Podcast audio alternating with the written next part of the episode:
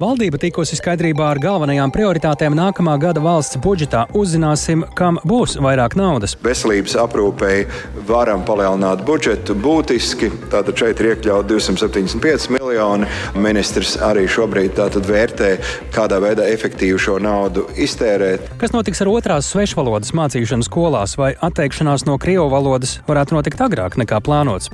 Saimā šodien opozīcijas rosinātais balsojums par izglītības ministres Andas Čakšas atstādināšanu un krīze Londonas policijā. Vairāki simti Skotlandjarda elitārās vienības policistu atsakās izmantot ieročus. Un satiksmes ierobežojumi Rīgas centrāla tirgus un stacijas apkārtnē būs ilgāki. Kad tos varētu pabeigt, par to visu plašāk redzījumā pēcpusdiena kopā ar mani Tālijai Puru.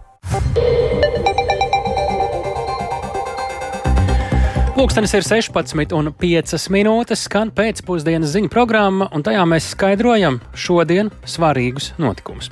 Studijā tālāk Seipurs. Labdien! Kādiem mērķiem nākamā gada budžetā būs vairāk naudas? Finanšu ministrija ir apkopojusi informāciju par nākamā gada budžeta prioritārajiem pasākumiem, kam rasts papildu finansējums. Nosaukts trīs galvenās prioritātes - drošība, izglītība un veselība.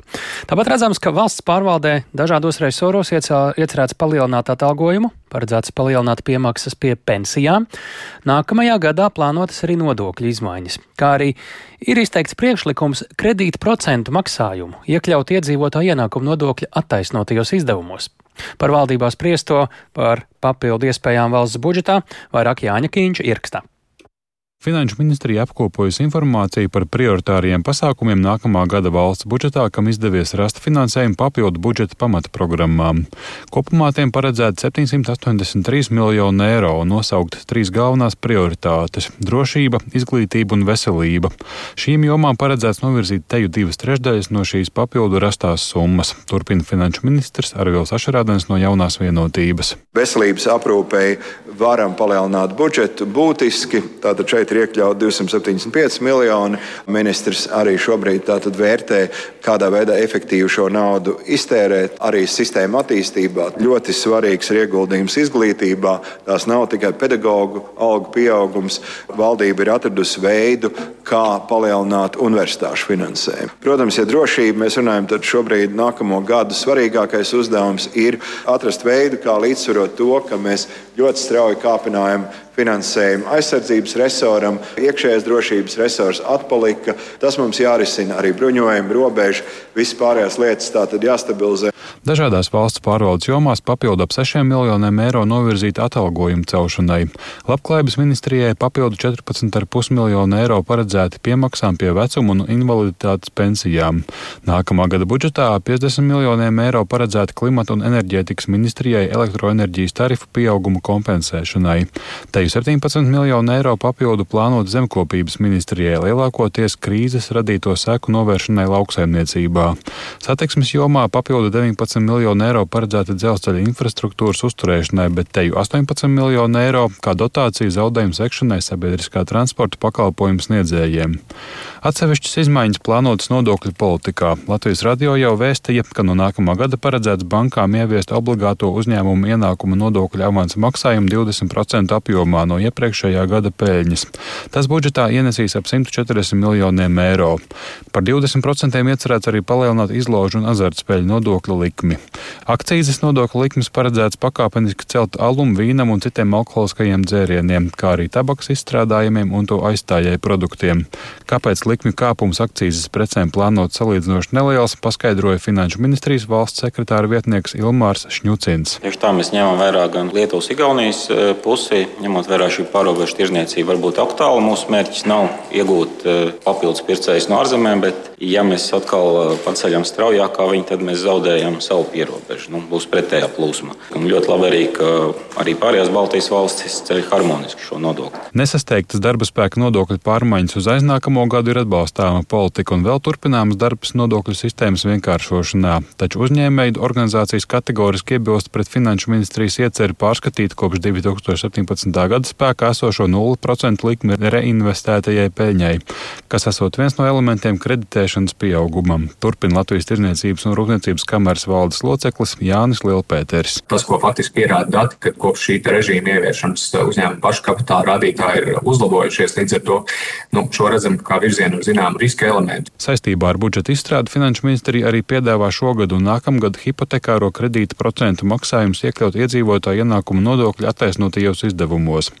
Latvijas kredītņēmēja asociācijas vadītājs Jānis Aboliņš to vērtē atzinīgi, taču kā nedaudz novēlotu soli. Martā var iesniegt deklarācijas, līdz ar to šie līdzekļi ienāks kaut kur marta beigās, aprīļa sākumā. Līdz ar to šis atbalsts būs pēc pusgada. Nu, protams, valdībai un samējiem būtu jāmeklē arī risinājumi ātrāk, apmēram jau gan izvērt pusgadu iepriekš, lai cilvēks saņemtu jau pirmo palīdzību jau vismaz līdz apkurs sezonas sākšanai. Valdība ar valsts budžeta pamatprogrammu saistītos likumprojektus plāno sākt skatīt nākamajā nedēļā.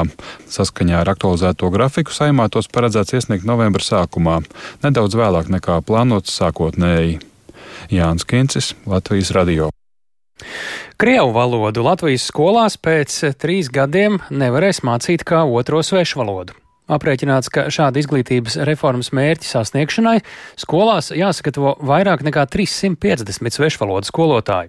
Šobrīd joprojām vairāk nekā pusē Latvijas skolu kā otro svešvalodu pasniedz tieši krievu valodu.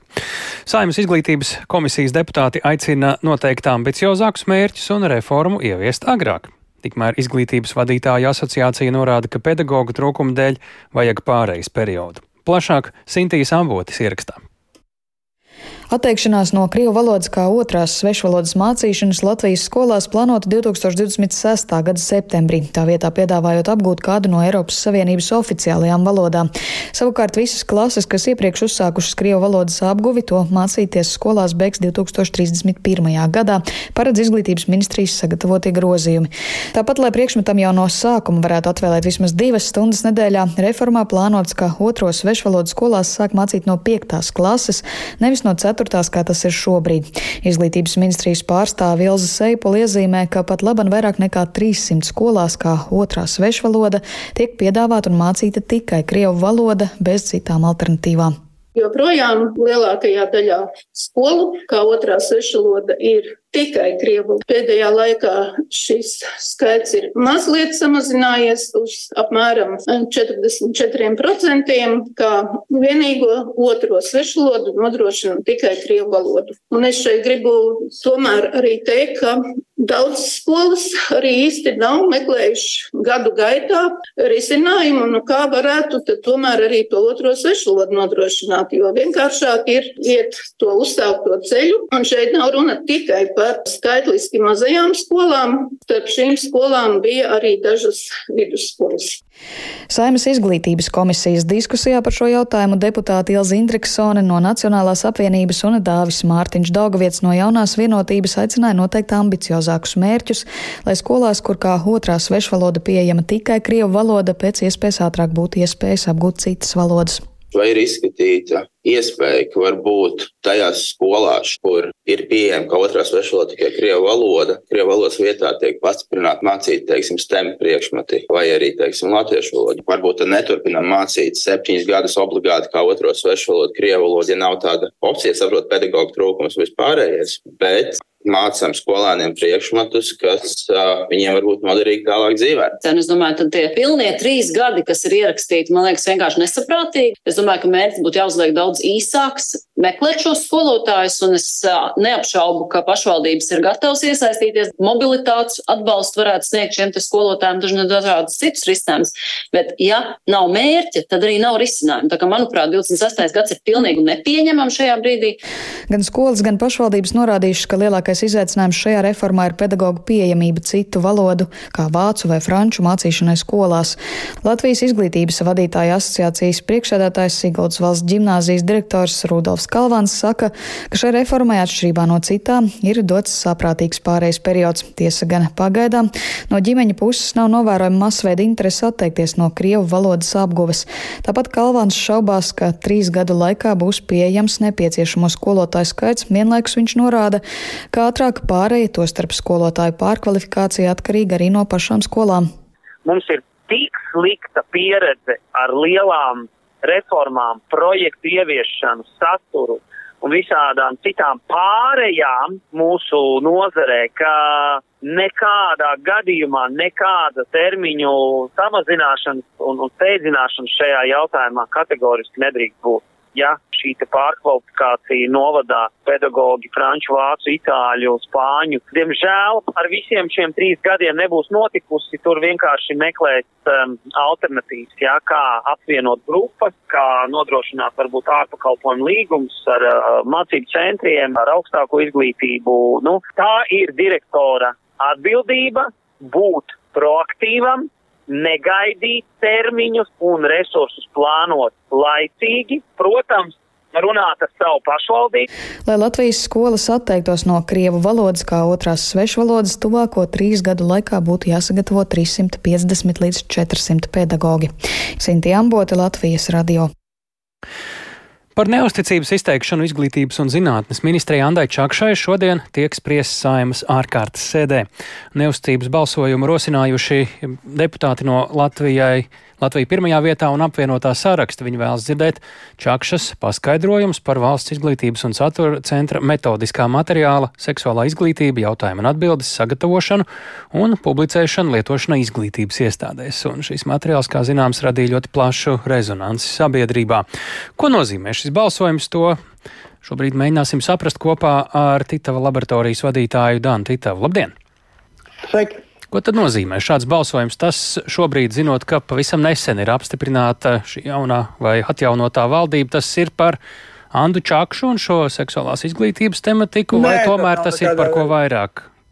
Tas ir mazāk. Tas nav nekādā sakarā ar Andu Čakšu, bet tas ir eh, pārbaudīt koalīcijas stiprumu. Vai ir 54, vai 53, vai 52, vai 50 balsis. Cik ir balsis? Tas ir pārbaudījums. Tas, tas nekas cits nav. Uh, ņemot vērā, ka uh, koalīcija, protams, ir lielāka nekā opozīcija, opozīcija vienmēr uh, pārbauda koalīcijas stiprumu pirms šī balsojuma vērotāji tad arī uh, prātoja, kas tad notiks uh, ar, piemēram, par saimnes priekšsarātāju neievēlēto Gunāru Kūtru no ZZS balsojumu un arī kā varētu balsot apvienotā saraksta pamatušais Igors Rajevs. Tas ko mēs, varam, ko, me, ko mēs varam sagaidīt? Tas, tas ir tieši tas, ko es jums saku. Tā ir pārbaude koalīcijas stiprumu. Vai Rajevs, Kūtris un visi pārējie, vai viņi ir gatavi vai nav, nav gatavi. Šobrīd ir kādi signāli, loģika uh, par to, kā tad šie kungi varētu balsot, vai kā būtu, uh, nezinu, no viņu pozīcijām pareizi darīt? Es nemāku, nemāku vērtēt uh, nodevēju pozīcijas, bet uh, diezgan vārds, tas, tas, tas nav mans jautājums. To es vienkārši nesaprotu. Jā, Prognozes eh, izskan eh, ar kaut kādiem Kāda? dažādiem, prognozes apkārt ar dažādiem pamatojumiem eh, izskan, kurā pusē viņi un kā pieslēsies, un vai, vai ne, ne, tas šobrīd domāju, netiek, nav, nevirmo nekur gaisā. Es domāju, nav nekāda problēma. Skaidrs, ka koalīcija saglabāsies un Čakšs saglabās savu amatu. Es neredzu nekādas uh, Es būtu ļoti izbrīnīts, ja es eh, kļūdītos savā prognozēs, ka Čakšs saglabās savu pozīciju. Šobrīd balsojums vēl nav noticis, līdz ar to mēs nevaram arī neko uh, secināt, kā ir nobalsojuši šie divi deputāti. Bet par ko varētu liecināt frakciju Latvijai pirmajā vietā un apvienotā saraksta sadarbošanās? Tā ir tāda klasiska vienkārši opozīcija, dažāda veida partiju kopdarbība, vai arī tas varētu nozīmēt ko vairāk? Jo tieši šo divu frakciju deputāti ir tie, kuri kopā ir iesnieguši šo, nu, kā jūs skatāt, koalīcijas pārbaudīšanas priekšlikumu mazāk Ānas Čakšs stāstu. Ko nozīmē, ko vairāk skats, ka viņi nu, uh, visas uh, opozīcijas partijas sadarbosies pret pozīciju. Viss, tur, tur, nu, tur nav mm, ideoloģisku vienojumu, bet loģiski, ka, ka tur ir uh, opozīcijas vienojums. Visi mēs, kā opozīcija, būsim pret pozīciju. Jā, jau pieminējām Rajevu kungu, kas šobrīd uh, notiek ar apvienoto sarakstu, kurš uh, vēl nesen bija ļoti spēcīgās pozīcijās, bet tagad viens deputāts jau ir nolēmis no to pamest, vai šis ir kaut kāds ļoti īpašs gadījums, kas ļoti, ļoti visticamāk neatkārtosies, vai arī te ir kāda tendence? Es būtu ļoti izbrīnīts, ja apvienotais saraksts eh, pie šīs situācijas saglabātu vairāk nekā desmit balsis. Es domāju, ka daudzi cilvēki no eh, šī saraksta eh, imigrēs uz citiem sarakstiem, kas ir pozīcijā. Rājevs ir man, priekš manis tas tiešām ir izbrīns, tāpēc es domāju, ka uh, uh, armijas cilvēks un uh, pulkvedis un tā tālāk tā kā nedodot cilvēks, bet izrādās, ka var nodot arī viņš. Ir bijuši ar gadījumi ar bijušajiem pulkvežiem Latvijas politikas vēsturē, ka, kas rīkojas līdzīgi, bet uh, to tad uh, no, pēc sociālajiem Turlākungu sociālajos tīklos piemin. Uh, par migrēšanu no partijām uz partiju, bet uh, sakām tik tālu paldies Danam Tītavam, Tītava laboratorijas paldies, vadītājam. Un, uh, Turpinot raidījumu pēcpusdienu, vismaz 250 britu bruņotās vienības policistu atsakās izmantot šaujamieroču dienesta pienākumu pildīšanai. Satiksmes ierobežojumi centrāltirgus un stacijas apkārtnē būs par pusotru mēnesi ilgāki nekā plānots, un no apgrozības Latvijā varētu izņemt viena un divu centu monētas un cenas nopaļot. Šiem citi temati raidījumi pēcpusdiena turpmākajās minūtēs.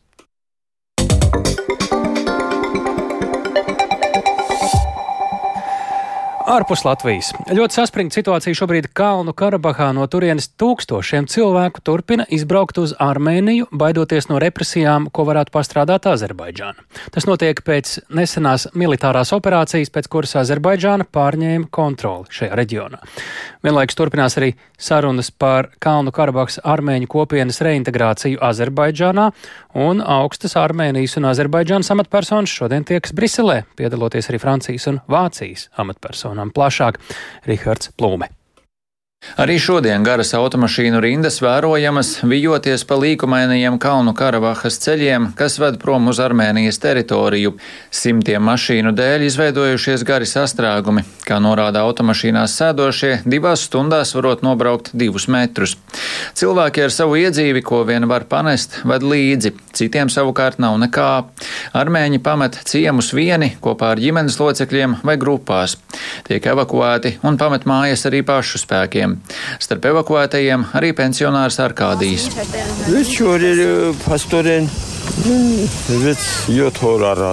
Pirms kādām sešām, septiņām dienām ap pusdienas laiku sāka šaut no dažādiem ieročiem. Aizstāvējāmies, cik varējām. Tad mums lika pulcēties pie skolas. Mēs tur gaidījām divas stundas, un tad Krievi mūs aizveda uz lidostu ar militārajām kravas automašīnām un citām lielām automašīnām. Teltīs palikām 3-4 dienas. No mājām neko nevarējām paņemt, visu atstājām. Redzēsim, kas notiks tālāk. Mēs nekad neatgriezīsimies. Šis ir pēdējais posms armēņu un turku attiecībās.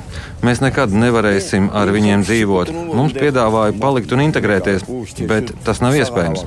Agri vai vēlu, visi aizbrauks. Daniela Arkadija, Gensatošāģi Antāls, Askerenis Buln. Līdz šim Kalnu Karabahu pametuši jau vairāk nekā 13 tūkstoši cilvēku, bet kopumā Kalnu Karabahā dzīvo aptuveni 120 tūkstoši etnisko armēņu. Armēnija norādījusi, ka varētu uzņemt līdz 40 tūkstošiem bēgļu, taču spriežot pēc izbraukšanas apmēriem un citiem paziņojumiem, Kalnu Karabahu vēlas pamest absolūti lielākā daļa tur esošo armēņu. Neraugoties uz Azerbaidžānas publiskajiem paziņojumiem par palīdzību Kalnu Karabahas iedzīvotājiem, bažas par stāvokli reģionā saglabājas. Etnisko armēņu līderi Līderi saka, ka tūkstošiem cilvēku ir bez pārtikas vai pajumtes un guļ pagrabos, skolu ēkās vai ārpus tām. Nav arī medikamentu. Un tas īpaši bija izjūtams vakar, kad pie Kalnu Karabahas galvaspilsētas Stepenakertas pirmdienas vakarā kādā no pilsētas degvielas noliktavām notika sprādziens. Tā rezultātā smagi tika ievainoti aptuveni 290 cilvēki, kas vēlējās iegūt degvielu, lai pamestu pilsētu. Bojā gājuši vismaz 20 cilvēki. Līdz ar to situācija slimnīcā bija haotiska, tā bija pārpildīta, nebija nedz mediķu resursu, nedz medikamentu resursu, lai visiem spētu palīdzēt. Tikmēr pēc pēdējiem pret valdību vērstajiem protestiem Erevānā pirmdien arestēti vairāk nekā 140 cilvēki. Protesti turpinās jau vairākas dienas, armēņiem paužot neapmierinātību ar premjeru Nikolu Pašiņānu un Kalnu Karabahas zaudēšanu. Tikmēr Briselē Eiropas Savienība šodien rīko augstu Armēnijas un Azerbaidžānas amatpersonu tikšanos. Sarunas vadīs Eiropadomes prezidenta Šārla Mišela vecākais diplomātiskais padomnieks. Sarunās piedalās Armēnijas un Azerbaidžānas, kā arī Francijas Krievijas un Vācijas nacionālās drošības padomnieki. Piedalīsies arī Eiropas Savienības īpašais sūtnis Dienvidkaukāza jautājumos Igauņu diplomāts Toivo Klārs. Tikmēr 5. oktobrī Armēnijas premjers un Azerbaidžānas prezidents Granadā, Spānijā piedalīsies Eiropas politiskās kopienas samitā. Pēc tam, kad Kalnu Karabahas Armēņu republikas varas iestādes faktiski kapitulējušas Baku priekšā, turpinās arī sarunas par Kalnu Karabahas Armēņu kopienas reintegrāciju Azerbaidžānā. Sagaidāms, ka visa strīdus reģiona teritorija nonāks Azerbaidžānas varas iestāžu kontrolē. Rihards Plūme, Latvijas radio. Viens no pasaules vecākajiem policijas dienestiem saskāries ar jaunu krīzi. Vismaz 250 Londonas Skotlandjārda elitārās bruņotās vienības policistu ir atteikušies izmantot šaujamieročus dienesta pienākumu pildīšanai. Par iemeslu šādam solim ir kļuvušas nesen kādam viņu kolēģim izvirzītas apsūdzības slepkavībā. Vairāk stāsta Rustams Šukurovs. Runa ir par vārdā nenosauktu Lielbritānijas elitārās likumsargu vienības pārstāvi, kurš pagājušajā gadā pildot savus dienesta pienākumus un mēģinot aizturēt aizdomās turamo vīrieti, pielietoja šaujamieroci, kā rezultātā aizdomās turamais gājis bojā. Uzreiz pēc incidenta policists tika atstādināts no amata, kā arī tika uzsākta neatkarīgo iestāžu izmeklēšana par apstākļiem, kas novada pie šaujamieroča pielietošanas. Izmeklēšana ilga gandrīz gadu. Pamatojoties uz tajā noskaidroto, Lielbritānijas prokurori pagājušajā nedēļā paziņoja par lēmumu izvirzīt policistam apsūdzību slepkavībā. Apsūdzētā policista kolēģe tikmēr pauda sašutumu par jauno realitāti, kurā katrs lēmums, kas tiek pieņemts ārkārtējos apstākļos, var beigties ar ilgu tiesas procesu vai pat cietumsodu. Vēlāk Skotlandjārdā bruņotās vienības darbinieki sāka nodot savas ieroču atļaujas policijas dienesta vadībai. Britu raidorganizācija BBC ziņoja, ka teju 300 policistu pārstāja pildīt tās policijas funkcijas, kuru izpildēja nepieciešama apbruņoto likumsargu iesaiste. Skotlandjārdā gan neapstiprināja šo skaitu, norādot, ka vairāki policisti, izvērtējot Lielbritānijas prokuratūras lēmumu ietekmi uz viņiem un arī viņu ģimenēm, vairs nevēlas uzņemties ar šaujamieroču pielietošanu saistītos riskus. Skotlandjārda komisārs Sers Marks Rowlijs, reaģējot uz elitārās vienības policistu demaršu, lūdzis Lielbritānijas iekšlietu ministri Svellu Breivermani aizstāvēt savus padotos. Savā vēstulē iekšlietu ministrei Rowlijs norādīja, ka pašreizējais policijas darbības regulējums nepasargā no krimināla apsūdzībām arī tos policistus, kas rūpīgi izpildīja iekšējās instrukcijas.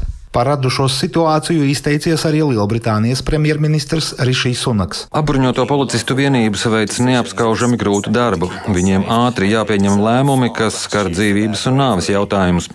Viņu drosme garantē mūsu drošību un ir pelnījusi mūsu pateicību. Ir svarīgi, lai viņiem būtu skaidra izpratne par to, kad izmantot šīs juridiskās pilnvaras. Ir svarīgi, lai viņiem būtu pārliecība par to, ko viņi dara, jo īpaši ņemot vērā letālos ieročus ieročus, ko viņi pielieto. Skotlandjārdā dienē 34 tūkstoši policistu, aptuveni 2,5 tūkstošiem no viņiem ir šaujamieroču atļaujas. Līdz šīs policijas krīzes pārvarēšanai Lielbritānijas valdība nolēma vērsties pie valsts bruņotajiem spēkiem ar mērķi tos piesaistīt pretterorisma darbību īstenošanai. Tiek atzīmēts, ka bruņoto spēku karavīri netiks iesaistīti Londonas ielu patrulēšanā.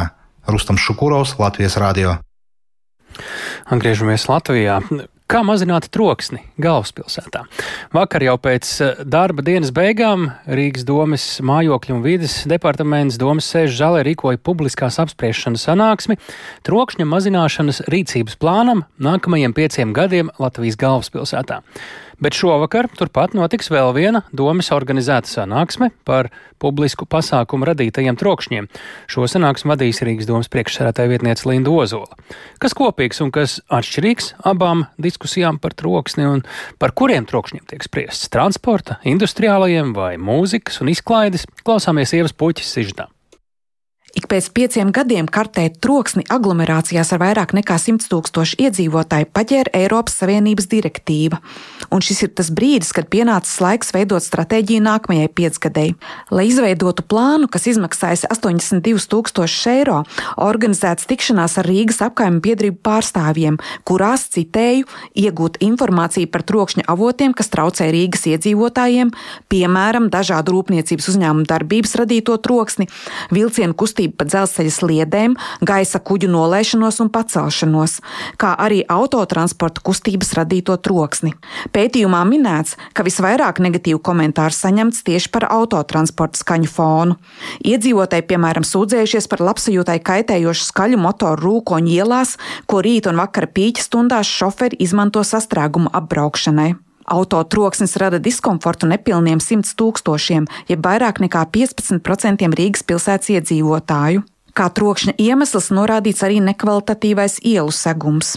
Diemžēl šajos Rīgas domas pasūtītajos vides trokšņa mērījumos vērtēts tikai transporta un rūpniecības radītais skaņas piesārņojums, nevis naktdzīves vietu, naktsklubu un bāru radītais skaņas fons, kas vairāk nekā satiksmes troksnis neļauj gulēt daudziem iedzīvotājiem. To norādīja iniciatīvas Naktsmieru Rīgai vadītāja Māja Krastiņa, kas arī bija atnākusi uz šo sanāksmi. Vasaras sākumā tika grozīti saistošie noteikumi par ārā tirzniecību, kuros mēs lūdzām ierobežot skaņu pastiprinošu ierīču lietošanu.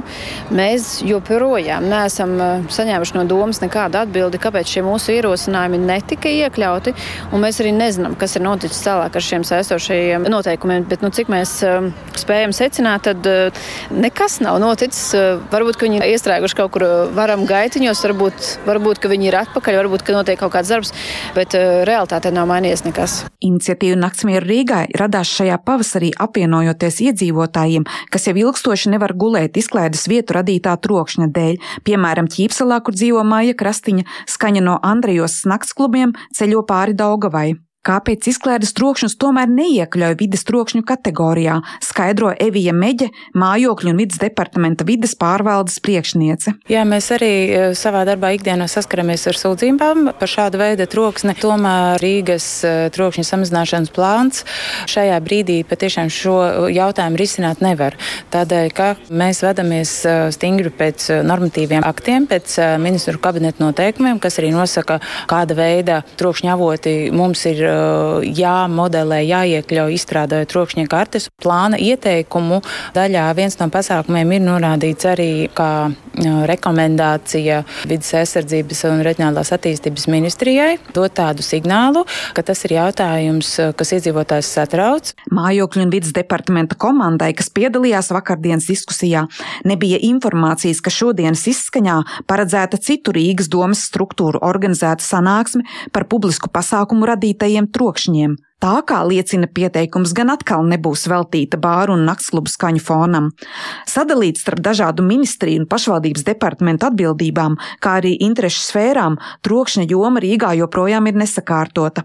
Diemžēl vakardienas diskusijā bez domas darbiniekiem piedalījās tikai pāris iedzīvotāji, kas par to bija uzzinājuši pavisam nejauši. Organizatori reklāmu Rīgas domas informācijas kanālos un oficiālajā izdevumā Latvijas vēstnesis uzskata par pietiekošu. Iedzīvotāji aicināti vēl līdz 5. oktobrim paust viedokli par rīcības plāna projektu vides trokšņa samazināšanai Rīgā, kas uzējams Rīgas domas mājas lapas jaunumu sadaļā. Ieva Puķe, Latvijas radio. Iedzīvotājiem ar satiksmes ierobežojumiem ap Rīgas centrālo staciju un centrā tirgu būs jāsadzīvo pusotru mēnesi ilgāk nekā plānots iepriekš, līdz oktobra beigām. Tā attiecībā uz būvdarbiem, kuri notiek apkārtnes pielāgošanai topošiem Rail Baltica projektam, paredz pašvaldībām. Un tādu plānu arī šodien bija paredzēts pieņemt atbildīgās komitejas ārkārtas sēdē, bet nepieņēma, jo nespēja savākt kvorumu. Vairāk par to ir gatavs eh, pastāstīt kolēģis Viktors Demīdovs. Viņš mums pievienojas studijā. Sveiks, Viktor! Eh, Pastāst, tad kāpēc eh, šādā, nu, vairāk vai mazāk izskatās formālā lēmumā, vairums deputātu balsojumā nepiedalījās, un protams, arī paskaidro, ko viņi skaidro, kāpēc darba Rīgas centrā ir ievilkušies. Jā, labdien! Nu, Rīgas centrā pa dzelzceļa tiltu, staciju un centrālu tirgu vides uh, pārbūves darbi vēl arvien turpi, aizvien turpinās, un mērķis ir integrēt to uh, pilsētas daļu topošam Real Baltica projektam. Un redzams, ka darbi vēl um, aktīvi turpinās, bet tas termiņš bija noteikts 15. septembris. Kāpēc kavējas, to es pastāstīšu nedaudz vēlāk, bet Tagad par to, ka pašvaldība termiņu plāno pagarināt līdz oktobra beigām. Un šodien par to bija sasaukta domas eh, satiksmes un transporta lietu komitejas ārkārtas sēde, par kuru gan mediji, gan, kā izrādījās, arī paši deputāti uzzināja viena vakar vakarā. Par deputātiem es domāju, vairāk opozīcijas deputāti uzzināja vien vakar vakarā. Un, lai gan izskatījās, ka nu, nekādu problēmu nu, pagarināt uh, šo būvdarbu termiņu visticamāk neradīsies, lēmums būs atbalstīts. Jo situācija ir tāda, kāda ir. Kāda ir tieši tā, un sanāca tā, ka sēdē piedalījās mazākā daļa no komitejas deputātiem, un tāpēc lēmumu nevarēja pieņemt. Atsevišķi opozīcijas deputāti balsot atteicās, un viena no tām uh, ir komitejas vadītāja vietniece Zane Pūpola no progresīvajiem, kura vienlaikus saprotot, ka šis ir ļoti svarīgs projekts. Es esmu darījusi visu, kas manos spēkos, lai iepazītos ar dokumentiem. Mēs esam kopā ar kolēģiem izskatījuši pievienotās datnes, bet es atzīšos, ka man nav pilnas pārliecības, ka es tiešām esmu apskatījusi pilnīgi visu, kas ir iekļauts, ka es esmu pilnībā visu sapratusi pareizi. Manuprāt, tas ir slikts precedents. Mēs varam šādā veidā apstiprināt ļoti kaitnieciskas un pat eh, nekvalitatīvas lietas. Es paļaujos uz to, ka šis nav ļaunprātīgs pavērsiens, ņemot vērā to, ka tas tiešām nav pārsteigums, ka šis pagarinājums būs nepieciešams. Jā, tātad Pūpola arī sēdes laikā komitejas vadītājiem Olafam Pulkam no jaunās vienotības norādīja, ka tā nav laba prakse sēdi izziņot pēdējā brīdī, un Pulks atzina, ka nu, tas tiešām nav labs stils. Un pēc sēdes eh, man izdevās noskaidrot, ka komitejas atkārtot sēdi gaidām rīt vienos dienā, tādējādi to centīsies iekļaut rīt gaidāmajā domas sēdē, kas plānota pēcāk. Kāpēc vispār tas ir svarīgi iekļaut šo? Nu, arī tas uh, skar uh, darbu pagarinājumu, attiecīgi būs eh, arī satiksmes ierobežojumi. Jā, es aprunājos ar domu, tas nozīmē, ka tie vērienīgie satiksmes ierobežojumi turpināsies vai turpināsies līdz oktobra beigām. Nu, pakāpeniski viņi mazināsies ar mm, laiku, bet tas turpināsies. Jebkurā gadījumā tam nu, domas lēmumam ir jābūt. Un eh, kāpēc tie ir ievilkušies? To es jautāju publiskās infrastruktūras attīstības pārvaldes vadītājiem Mārtiņam uh, Slimbaham, tad lūdzu paklausīsimies viņa teikto. Projekta izstrādes gaitā šīs robežas saulēcīgi tiek saskaņotas, un šāda saskaņošana arī notika šajā gadījumā, bet pašā fināla fāzē tika konstatēts, ka atsevišķu tehnisku risinājumu dēļ, kas ir Baltika pamatprojekta risinājumos, mums šo robežu nedaudz nākās mainīt. Fiziski viņi vienkārši pabīdās pāris metrus tālāk, bet, no attiecīgi, protams, darba ziņā un darba plānošanas ziņā tas atstāja, teiksim, lielāku iespēju. Un uh, otrais šis projekts, kam ir pagarinājums attiecīgi Gogaļiela, un tur šie darbi ir saistīti ar šī esošā gājēja tuneļa hidroizolācijas papildus atjaunošanas darbiem. Restīvi, kad, kad esošam tunelim šī hidroizolācija ir diezgan sliktā stāvoklī. Tālūk Rīgas domas pārstāvis Slimbachs. Nu, tā pirmā vieta, kur tāda darbi kavējas, tā ir ģenerāļa Radziņa krastmala, kur krustojas ar tātad vērienīgo Real Baltica projektu un ar septītā tramvaja līnijas pārbūvi, un, un, un tad otra tā vieta, kur viņš minēja Goguļa ielā. Nu, tas, tas pagaidām tālūk. Paldies, um, uh, Viktor, par šo, bet es vēl gribēju saprast, ko šī kavēšanās nozīmē. Tas nozīmē, ka arī sadārdzināšanās projektiem, vai tas to nenozīmē?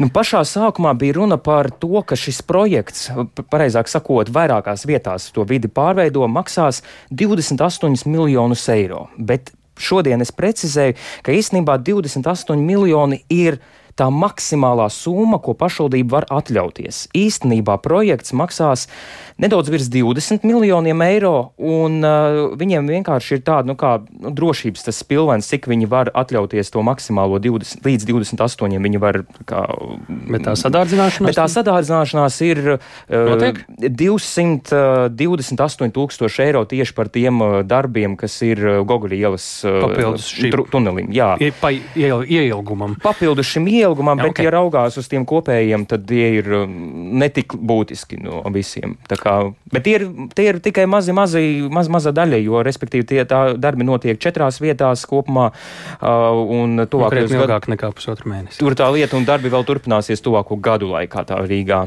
Paldies Viktoram Demīdovam tik tālu par būvdarbiem centrāla tirgus un centrālās stacijas apkārtnē, bet Latvijas banka plāno nopaļot maksājumus skaidrā naudā. Pirmais solis varētu būt viena un divu centu monētu izņemšana no apgrozības. Kāpēc par to tiek runāts, cik tālu ir šis plāns, kā tas tieši notiktu un ko tas nozīmētu tirgotājiem, pircējiem? To jautāsim Latvijas Bankas naudas apgrozības pārvaldes vadītājam Jānim Blūmam. Labdien! Labdien! Kāpēc šis jautājums vispār ir aktuāls kļuvis? Jautājums ir aktuāls jau īstenībā labu laiku atpakaļ, arī pirms, pirms pandēmijas. Vienkārši laikam pašlaik ir aktualizējies tas jautājums, jo Igaunijā parādījās ziņa, ka Igaunijas centrālā banka ir sākus akciju ar, ar, ar Igaunijas pastu palīdzību savākt pēc iespējas vairāk mazo centu monētas. Un, uh, šis uh, laiks ir sakritis ar laiku, kad arī mēs jau strādājam ilgāku laiku, principā kopš 2019. gada pie šī nopaļošanas principa ieviešanas iespējamās, un pašlaik ir tapis uh, maksājuma skaidrā naudā gala summas nopaļošanas likuma projekts, kurš uh, pašlaik. Bet vienkāršiem vārdiem sakot, kāpēc tas ir stāsts par to, ka ir par daudz šo monētu? Un... Kāpēc? Kā? Ziņa, jā, ziņa ir tagad, process ir ilgs, bet šo monētu uh, pirmkārt nomināla vērtība ļoti zemā, izmaksas dažādas, iesaistīto pušu izmaksas un ērtības ir, nu, izmaksas ir lielas, ērtības varbūt ir arī apgrūtinātas, un līdz ar to mēs esam arī skatījušies uz citu valstu pieredzi. Jo mēs neesam pirmie. Mēs, uh, ir jau vairākas valstis - Itālija, Īrija, Somija, Slovākija arī pagāja, pagājušā gadā ievies. Līdz ar to mēs mēģinām iet uz priekšu, lai šo skaidrās naudas apriti, nu, kā mēs sakām, efektivizētu, darētu, padarītu ērtāku. Viņiem tad iznāk jau nav vairs šo monētu mazo. Uh, viņas, jā, tas, tas, tas, tas stāsts ir tāds, ka caur šo nopaļošanas principu, tam šeit ir jāuzsver viena būtiska lieta. Mēs ne, nepiedāvājam nopaļot cenas, mēs piedāvājam nopaļot uh, uh, gala summu, maksājumā summu pie kases, piemēram, skaidrā naudā. Ko tas nozīmē? Un, uh, Tas nozīmē to, ka pircējs ieejot jebkurā, piemēram, lielveikalā, saliek savā grozā dažādus, dažādus produktus, uh, Uh, ejot pie kases, uh, viņam tiek šie produkti, šīs cenas saskaitītas kopā. Un, piemēram, gala summa ir nu, nezinu, 12, 12 eiro 23 centi. Jā. Jā, tad šī gadījumā šī gala pirkuma summa, nevis katras preces, tiks nomaļots uz 25, 12 eiro 25. Savukārt, ja, ja pirkuma summa būtu piemēram 12 eiro 22 centi, tad attiecīgi summa būtu nopaļot uz leju 12 uh, eiro 20 centi. Vai zināt, ko par to veidā... saka tirgotāji un ko par to saka nezinu, patērētāja tiesības sargi, uh, respektīvi iesaistītie?